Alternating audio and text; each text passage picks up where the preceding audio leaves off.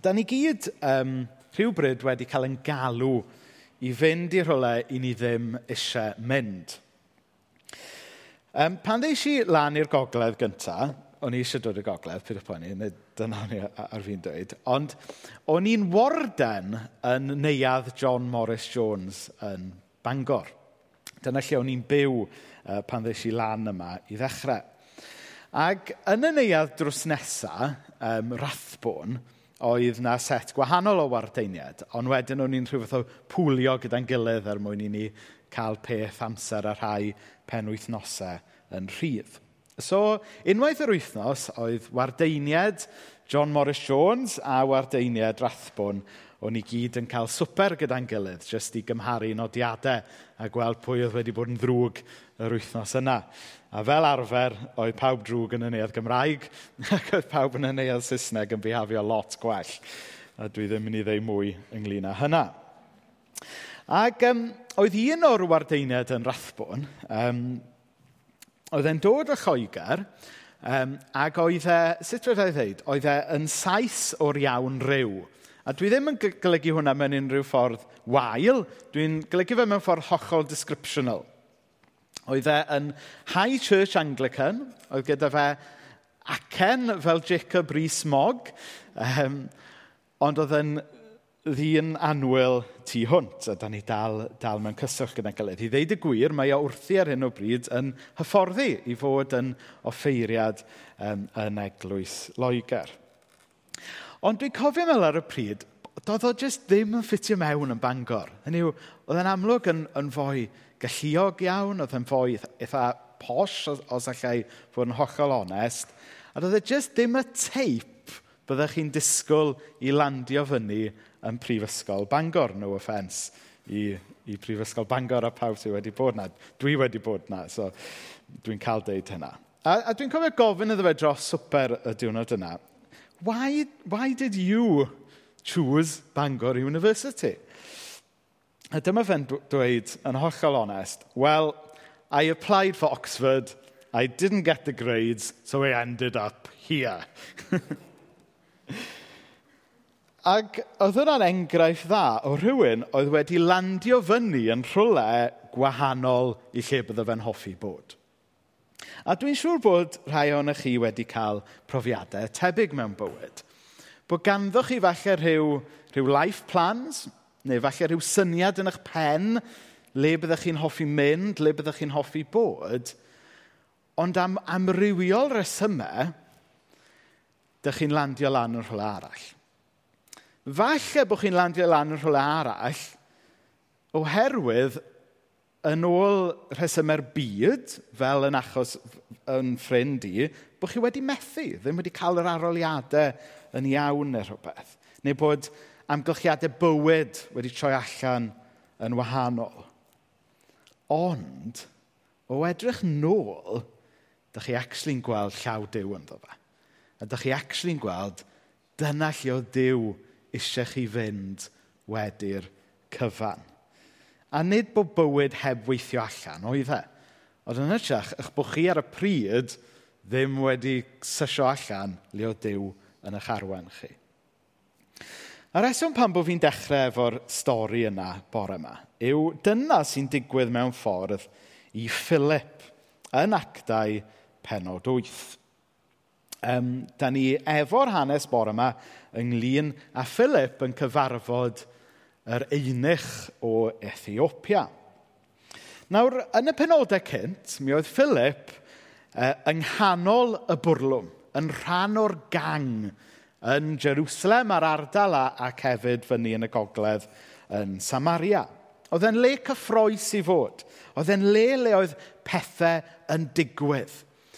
Ac oedd e yn le byddech chi eisiau bod os fyddech chi yn apostol yn Samaria y cyfnod yma.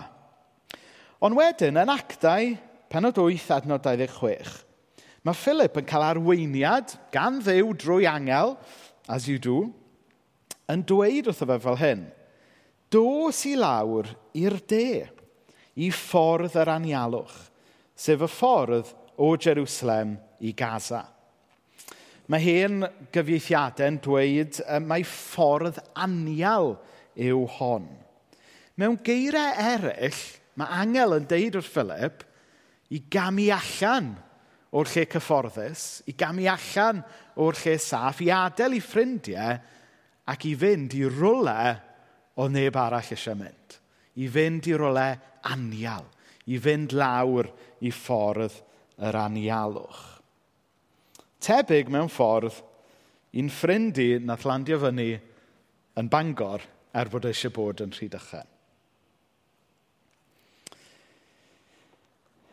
Falle mai nid dyma oedd Philip eisiau wneud, ond mae e'n ffyddlon i alwad ac arweiniad Duw ar ei fywyd, a mae e'n codi i bac a mynd. Adnod 27, da ni yn um, clywed fel hyn. A'i Philip ar unwaith, a phan oedd ar ei ffordd, dyma fy'n dod ar draws einech, oedd yn swyddog pwysig yn llywodraeth y can, dwi'n siŵr sut ti'n anu hwn, y can da, danse, can dace, whatever, um, sef Brenhines Ethiopia. Fe oedd pennaeth ei thrysorlus. Roedd wedi bod yn Jerusalem yn addoli Dyw. Ac roedd yn darllen llyfr proffwydoliaeth Ezeia wrth deithio neu gerbyd ar ei ffordd adre. Dyma'r ysbryd glân yn dweud wrth Philip, dos, a rheda wrth ymyl y cerbyd acw.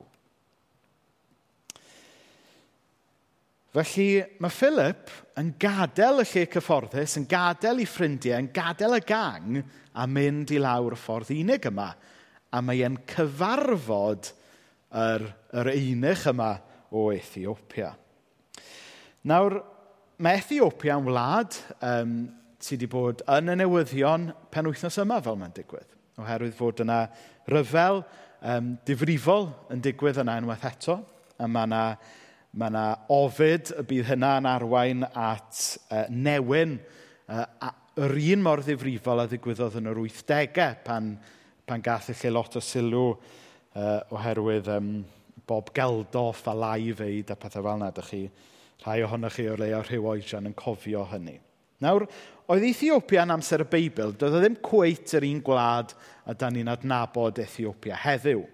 Mi oedd e chydig bach mwy i'r gogledd, um, tua gogledd Sudan neu i'r de o'r aifft. Ond, oedd yr rufflu, oh, actually, mae hwnna'n real Western European comment ynglyn Africa. Dydy fe rufflu yn gogledd Africa. Mae Africa'n le enfawr. Ond oedd e rhywbeth o gogledd Sudan, de yr aifft, uh, heddiw. A oedd um, teirnas Ethiopia, mi oedd ganddyn nhw'r frenhines yma, um, Ac oedd e'n arfer yn diwylliant, rhai diwylliannau yn yr ardal yna um, i gael. Ein, einchiod. Be di mwy na hi'n einich? Ei, einchiod, fedrwn ni? Nawr, na i ddim yn mewn i details beth oedd yn golygu fod yn einich. Um, rhaid gofyn i'n livestream ni gael ei gymryd off Facebook yn fod yn, inappropriate. Ond da chi gyd yn gallu gweithio allan be oedd bod yn einach yn involfio. Oedd, yna rhyw procedure pan fasa yr uh, person yn ifanc, um, oedd yn golygu bod nhw ddim yn gallu cael plant. We'll, we'll leave it at that. Ac y rheswm pam oedd rhai diwylliannau yn gwneud hyn, oedd y syniad y byddai'r person wedyn yn cael um, i osod i'r neilltu ac yn gallu canolbwyntio a'r dasg neu galwad mewn bywyd heb y distraction o, o gael, chybod? Ie, yeah, a teulu a plant a, a beth bynnag. Um, ac yn benodol, oedd yr einych, uh, da ni'n cyfarfod yn yr hanes yma, mi oedd e wedi cael ei neilltuo i ganolbwyntio ar y gwaith o ofalu ar ôl arian a, a, a cyfoeth brenhines Ethiopia. Mewn ffordd, yr einych yma oedd Chancellor of the Exchequer... Ec, um, beth yw... dwi'n meddwl siarad Saesneg bore yma? Exchequer, um, brenhines uh, Ethiopia. Ac... Um, felly, oedd yn berson pwysig iawn, berson wedi cael addysg, ond yn berson oedd wedi neilldio i waith arbennig.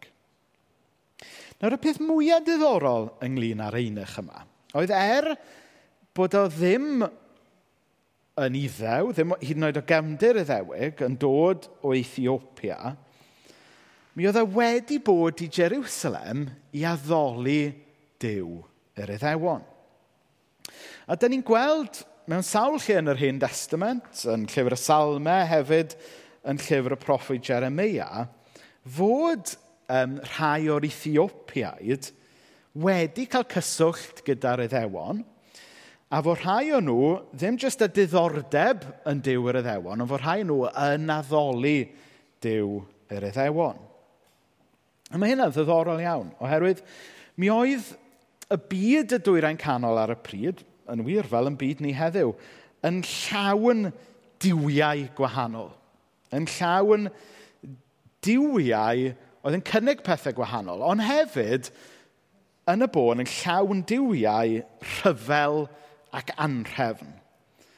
Ac felly, yng nghanol byd efo diwiau cas, mae rhywun yn gallu deall wedyn sut oedd Dyw yr Iddewon yn sefyll allan ac yn apelgar hyd yn oed i bobl oedd ddim yn Iddewon. Dyw yr Iddewon oedd yr hen ddihenydd, yr ancient of days. Dyw weddewon oedd y dyw cyfiawnder. Y dyw oedd yn rhyddhau pobl. Wrth gwrs, oedd pobl Dyw wedi bod yn yr aifft, ac oedd yr aifft ddim yn bell o Ethiopia. Achos, felly, falle oedd yr storys ynglyn â Dyw yn rhyddhau pobl yn storys oedd wedi lledu i Ethiopia.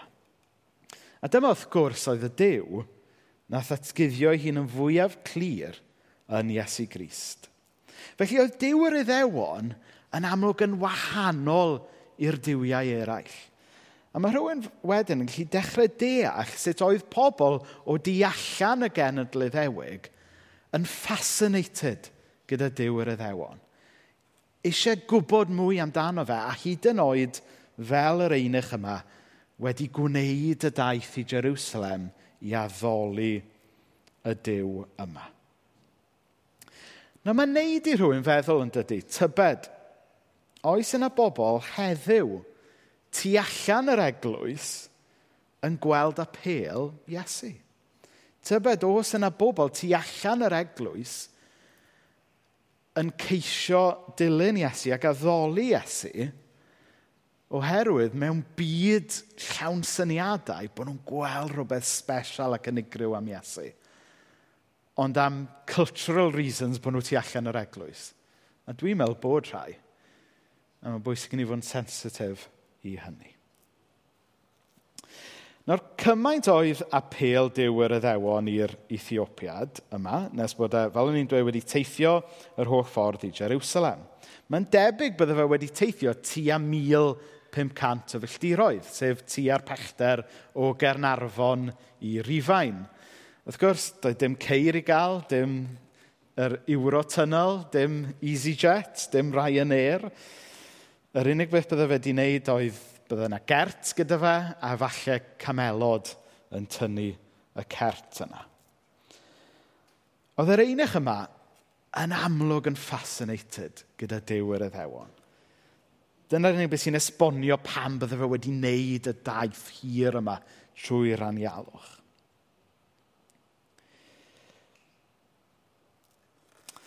A wedyn mae Philip yn dod ar ei draws e. Yn amlwg, jyst yn cael chill bach. Tybod, doedd dim Starbucks ar y ffordd. Doedd dim road chef na McDonald's iddo fe stopio rhwng Ethiopia a Jerusalem, a mae jyst yn stopio ar ochr y ffordd yn yr anialwch. A mae Philip yn dod ar ei draws e. Ddim yn darllen papur newydd, ddim yn sgrolio trwy Facebook fel da ni'n neud pan da ni yn cymryd stop adnod 30. Felly dyma Philip yn rhedeg at y cerbyd ac roedd yn clywed dyn yn darllen o lyfr proffwydoliaeth Ezeia. Wel, pan da ni'n cymryd rest, dwi'n gwybod amdano chi, ond dio ddim yn syrthio naturiol i fi darllen Ezeia pan dwi eisiau ymlacio o chilio allan. Dyw Ezeia ddim the lightest of reads sy'n dangos o ddew ar waith yn bywyd y dyn yma. Chos dydy rhywun ddim jyst yn landio yn darllen y zeia jyst fel na na. O dew ar waith yn mywyd y dyn yma. Adnod 30 uh, eto. Felly dyma Philip yn rhedeg at y cerbyd um, ac roedd y dyn yn darllen o'r lyfr proffedoliaeth Ezeia. Felly gofynodd Philip iddo, wyt ti'n deall beth rwy ti'n ei ddarllen? A mae e'n Ateb adnod 31 ymlaen. Sut ych ei ddeall heb i rywun esbonio i mi, meddai'r dyn. Felly gofynodd i Philip fynd i eistedd yn y cerbyd gyda ge. Dyma'r adran o'r ysgrifau sanctaidd roedd yr einach yn ei ddarllen. So mae'n cotio nawr o Ezeia. Cafodd ei arwain fel dafad i'r lladddu. Yn union fel mae oen yn dawel pan mae'n cael ei gneifio. Wnaeth e ddweud dim. Cafodd ei gam drin heb achos llys teg. Sut mae'n bosib sôn am ddisgynyddion iddo?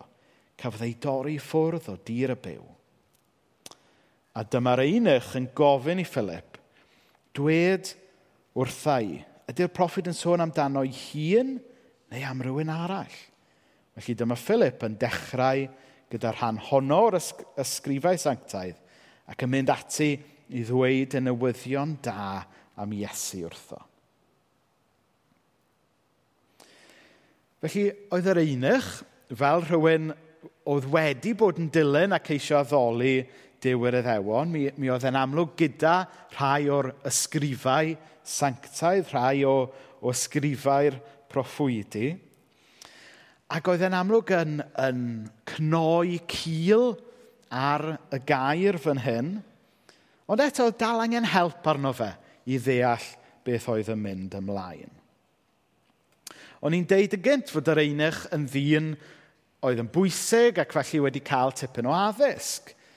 Ond oedd hyd yn oed rhywun efo addysg dal angen help ac arweiniad i ddeall gair dew a gweld beth oedd yn mynd mlaen fan hyn.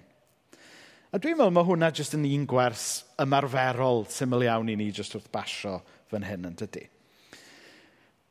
Mae Dew yn gallu siarad gyda ni yn uniongyrchol pan da ni'n darllen y Beibl, Ond mae hefyd yn fendithiol ac yn help i ni ddarllen y Beibl gyda'n gilydd hefyd. Mae e'n dda i ni ofyn am help wrth ddarllen a deall y Beibl. Dyna o'n i'n sôn am y grŵp cymuned gyna. Dyna ydy un o'r pethau canolog yn ein grwpiau cymuned ni, yw bod ni yn gweithio trwy rhannau o'r Beibl gyda'n gilydd. Ac o weithiau mae Dyw yn dangos un peth i rywun o'r Beibl, da chi falle heb i weld. A da ni'n gallu helpu'n gilydd i ddeall y Beibl yn well. Dyna pam yn bod ni weithiau yn rhedeg pethau fel y cwrs alfa. Er mae cwrs thematic ydy cwrs alfa, mae e'n cyflwyno themau sy'n dod allan o'r Beibl. A da ni hefyd wedi rhedeg cwrs y Beibl yn y gorffennol. Maen nhw gyd yn bethau sy'n rhoi ar waith beth da ni'n gweld yn yr hanes yma. Sef un person yn helpu rhywun arall i ddeall y Beibl yn well. Mae yna lot o lyfrau da allan yna yn helpu ni um, i ddweud gwir, mae yna gormod o lyfrau allan yna. Dych chi weithiau ddim yn gwybod lle i ddechrau, so na i roi un tip i chi. Mae yna gyfres da o lyfrau um, o'r enw For Everyone. Maen nhw'n lyfrau bach um, sydd wedi cael, a mae'r hen testament wedi cael ei sgwennu gan ddyn o'r enw Tom Wright. Um, so mae, dych chi, to, Matthew for everyone, Mark for everyone, i, a, a maen nhw'n, a wedyn mae yna gyfres yn yr hen testament uh, wedi cael ei sgwennu gan ddyn o'r enw John Golding A. Um, mae fe gyda Genesis, Genesis for Everyone ac yn y blaen. A mae rhain yn lyfrau um, sydd wedi cael ei sgwennu mewn ffordd hawdd iawn i ddarllen, ond maen nhw wedi cael ei sgwennu gan dau sort of heavyweight academic sydd yn deall i Beibl, ond beth sy'n hyfryd yn darn nhw, er bod nhw wedi cael ei sgwennu gan bobl sy'n sy deall i pethau, dyn nhw ddim yn llyfrau academic a sych. Maen nhw'n nhw dod â'r peth yn fyw i pobl uh, fel chi a fi. Felly, os ydych chi'n ffeindio'ch hunan chybod yn stryglo i ddarllen a deall rhai rhan o'r Beibl, os ydych chi'n stryglo i weld be mae Dyw yn dweud wrthych chi, fel yn gyntaf, gweddiwch y bydd yr ysbryd glân yn, yn, yn dangos rhywbeth i chi allan o'r Beibl. Dyna'r peth bwysica, um, ond yn ail, jyst gofynnwch i rhywun am help yn, wrth ymuno grŵp cymuned, neu os ydych chi mewn grŵp cymuned yn barod, gofyn yn y grŵp cymuned. Neu gyfynwch i fi neu un o'r weinwyr eraill yr eglwys. A hyd yn oes dwi ddim yn gwybod yr ateb, allwn ni eistedd lawr gyda'n gilydd a dad bacio fe a siw bydd Dyw yn dangos rhywbeth. So dyna sy'n digwydd fan hyn yn anwl iawn. Mae gyda ni Philip a Einich a'r Beibl a Dyw yn gwneud uh, fel byddai Owen Edwards, coleg o Bala dweud, yn gwneud i busnes gyda'i gilydd. Hwna'n in-joke i bobl sy'n adnabod Owen, sori. um, felly, ie, yeah. so mae Philip yn esbonio wrth yr einach, mae beth sydd yn y sef yn ydy proffedoliaeth am Iesu. A mae'r einach yn gweld hyn, mae'r geiniog yn syrthio mae e'n gweld mae Dyw Abraham, Dyw yr Iddewon, oedd wedi dod mewn person yn Iesu Grist.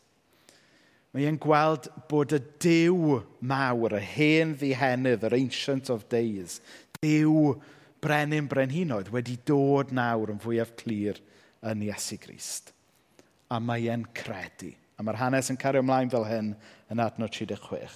Wrth fynd yn ei blaenau, dyma nhw'n dod at le lle roedd dŵr. Edrych, meddwl einich, mae dŵr yn fan yna. Oes yna unrhyw reswm pam ddylwn ni ddim cael fy medyddio? Rhoddodd orchymyn i'r cerbyd stopio. Wedyn aeth gyda Philip i lawr i'r dŵr a dyma Philip yn ei fydyddio yn y fan ar y lle. Nawr mae'r cwestiwn yna yn ticlo fi chydig bach. Oes yna unrhyw reswm pam ddylwn ni ddim cael fy mydyddio? Y reswm pobl yn ticlo fi, achos dwi a lawriau chyda'r bobl eraill wedi bod yn trafod fatha, be mae bedydd yn edrych fel gyda rheolau Covid. Dwi. Oes yna unrhyw reswm pam na ddylwn ni cael fy mydyddio? Wel, actually, rheolau Covid. Ond, ond, ond on a spiritual level, na. Tybod, be mae bedydd yn golygu ydy arwydd allanol o rhywbeth sydd wedi newid ti mewn rhywun. Be ydy bedydd ydy arwydd allanol o rhywun wedi gweld be mae Iesu Grist wedi wneud dros nhw a profi a derbyn hwnna fel gwedd newidiad yn eich bywyd. A dyna sy'n digwydd wedyn, mae'n cael i fydyddio fyna yn y fan a'r lle. Mae e'n arwydd o ddechrau bywyd newydd yn dilyn Iesu. A mae e'n arwydd o Iesu ymywyd yr einich hefyd. Nawr, bydd y rhai ohonoch chi sydd yn fwy a craff wedi sylwi bod adnod 37 yn missing. Nethon ni ddarllen adnod 36 a wedyn mynd syth i 38. Felly, beth oedd yn digwydd i adnod 37? Wel, Mae adnod 37 uh, yn mynd fel hyn. A Philip a ddywedodd, os wyt ti yn credu at holl galon, fe a ellir. Ac ef e atebodd ac y ddywedodd, yr wyf yn credu fod Iesu Grist yn fab Dyw. So mae adnod 37 yn Beibl William Morgan, mae e yn y King James, ond dyw e ddim mewn Beiblau modern. O pam? Wel, mae pobl wedi ffeindio allan, mae rhyw side note nath rhywun ychwanegu rhai canrifoedd wedyn oedd adnod 37. Felly doedd e ddim yn yr ysgrifau fwyaf hen sydd gyda ni. So, so er bod be mae adnod 37 yn dweud yn ddigon gwir, um, fe gath ei fydyddio oherwydd bod e wedi credu. Mae hynna'n wir, ond jyst doedd e ddim yn yr ysgrifau um, fwyaf hen sydd gyda ni. Mae e fel, chybod, dwedwch nawr bod chi'n darllen y Beibl, a dwi'n gwybod os ydych chi yn sgriblo rhyw side notes ar eich Beibl weithiau er mwyn atgoffa chi ynglyn â rhywbeth. A wedyn bod y Beibl yna mynd ar goll am chydig o ganrifoedd, a bod rhywun yn ffeindio'r Beibl yna a meddwl bod y side notes yn rhan o'r prif beth, chybod. So, rhywbeth fel yna maen nhw'n meddwl na ddigwydd. So, jyst rhagon bod rhywun yn meddwl bod fi wedi chopio adnod allan. Um, so, ond mae'n ddiddorol clywed yn dydy sut mae'r Beibl yn, yn dod at ei gilydd fel yna. Yeah. Um, so, y pwynt ola dwi eisiau wneud ydy fel hyn. Mae'n ddiddorol bod Philip yn cyfarfod a gweinodygaethu i einich yn y fan lle mae e'n ffeindio fe. So, Oedd yr einach yn stryglo i ddeall Ezeia. Felly lle mae Philip yn dechrau? Wel, yn Ezeia. Hynny yw, mae'n cyfarfod e le mae fe ar ochr y ffordd, as you do, yn darllen Ezeia. A dwi'n meddwl fod na wers fyna i ni pan da ni'n meddwl ynglyn â sut da ni'n cyfarfod pobl efo newyddion da Iesu. Nawr, dwi e ddim yn golygu literally dylen ni hefyd ddechrau gyda Ezeia, tyfod? Os da ni'n gweld rhywun yn ista ar y bench, da ni ddim yn sort of mynd i ista lawr gyda nhw, let me introduce you to the prophet of Ezeia, tyfod? Um, ond be mae e yn golygu yw bod ni yn um, dechrau le mae rhywun arno ar y pwynt yna. So, hei, falle bod gyda chi ffrind sydd yn fascinated gyda'r proffwydiau gyda Ezeia. A gyda'r ffrind yna, ie, yeah, dechreuwch fyna. Ond yn yn cymdeithas ôl grisnogol, ôl grefyddol, da ni'n byw arni, di probably cychwyn gyda seia ddim y lle gorau i gychwyn. Da ni'n goffo gweld lle mae rhywun. Da ni'n goffo dod i adnabod rhywun. Da ni, da ni angen gweld beth sy'n mynd mlaen y mywyd rhywun. A mwy na thebyg, os da ni'n siarad am rhannu rhan o'r Beibl, mwy na thebyg mae'r efengylau wrth helpu pobl gyfarfod Iesu Dyna le mae cychwyn. Falle bod ni yn cyfarfod rhywun sy gyda rhagfarn, gyda preconceptions ynglyn â'r ffydd grisnogol ac ynglyn â'r eglwys. A, a pwy sy'n heb dyddiau yma? A falle mae'r lle i, i ddechrau fyna ydy helpu rhywun i deconstructio peth o'r preconception sydd gyda nhw ynglyn â ffydd, ynglyn â'r eglwys, ynglyn â Iesu hyd yn oed. Hynny yw, da ni angen cyfarfod pobl lle maen nhw. Dyna mae Philip yn gwneud fan hyn efo'r einich. A wedyn rhywle lawr y rŵt gewch chi ddarllen y zeia gyda rhywun, dwi'n siŵr. Be sy'n hyfryd fan hyn yw fod yr hanes yn gorffen wedyn gyda, gyda Philip, rhyw, rhyw fath o'n cael ei wisgio ffwrdd. Dyn ni'n cweit yn deall beth sy'n mynd ymlaen fyna. Rhywbeth supernatural neu jyst rhyw ffordd od o ddisgrifio bod e jyst i mynd ar ei daith. A wedyn fod yr einech yn cario ymlaen ar ei daith nôl i Ethiopia. A mae hwn yn parting yn pobl yn mynd ffordd gwahanol i thriadol o bwysig yn hanes Cresnogaeth i ddeud gwir yn hanes y byd. Oherwydd mae'n bosib mae yr einych yma oedd un o'r pobl cyntaf Nath fynd ar newyddion ynglyn â croeshoeliad ac atgyfodiad Iesu i gyfandir Africa proper. Ac er bod yr eglwys grisnogol um, um, yn crybachu rhywfaint yn y gorllewin ar hyn o bryd, mae'n tyfu heddiw uh, mewn rhannau o Africa yn fwy na mae wedi erioed o'r blaen. A nath ei gyd ddechrau gyda y cyfarfod hyfryd yma rhwng Philip a'r Einech. Felly mewn ffordd, yr Einech oedd y cenhadwr cyntaf i fynd i, i Africa, os hoffech chi. Nawr, yn y canrifoedd fwy diweddar, mae'r ffydd grisnogol wedi cael chydig bach o bad rep yn Africa, oherwydd sut nath yr rhai, a dwi'n pwysleisio rhai cenhadon a mudiadau, uh, cenhadol gydweithio gyda rhai o'r pwerau imperialaidd wrth goloneiddio Africa. Um, a bydd rhai pobl sydd wedi astudio hanes yn gwybod mwy ynglyn â hyn. A, a trwy hynna oedd, oedd pobl ddim yn cael eu cyflwyno i Iesu go iawn ac oedd hyn. Mae unrhyw gyflwyno Iesu sy'n digwydd ochr yn ochr ar gwn. Dydy hwnna ddim yn iawn, ydy. Dydy hwnna ddim yn be mae'r deyrnas amdano. Ond, lle nath newyddion Iesu ddod i Africa gyntaf oedd yn yr hanes yma. Doedd e ddim wedi dod ar gefn byddin. Oedd e ddim wedi dod wrth i bobl goloneiddio pobl arall. Ond oedd e wedi dod wrth i un dyn gyfarfod Iesu a cario'r pasiwn a'r cariad yna i nôl gyda fe.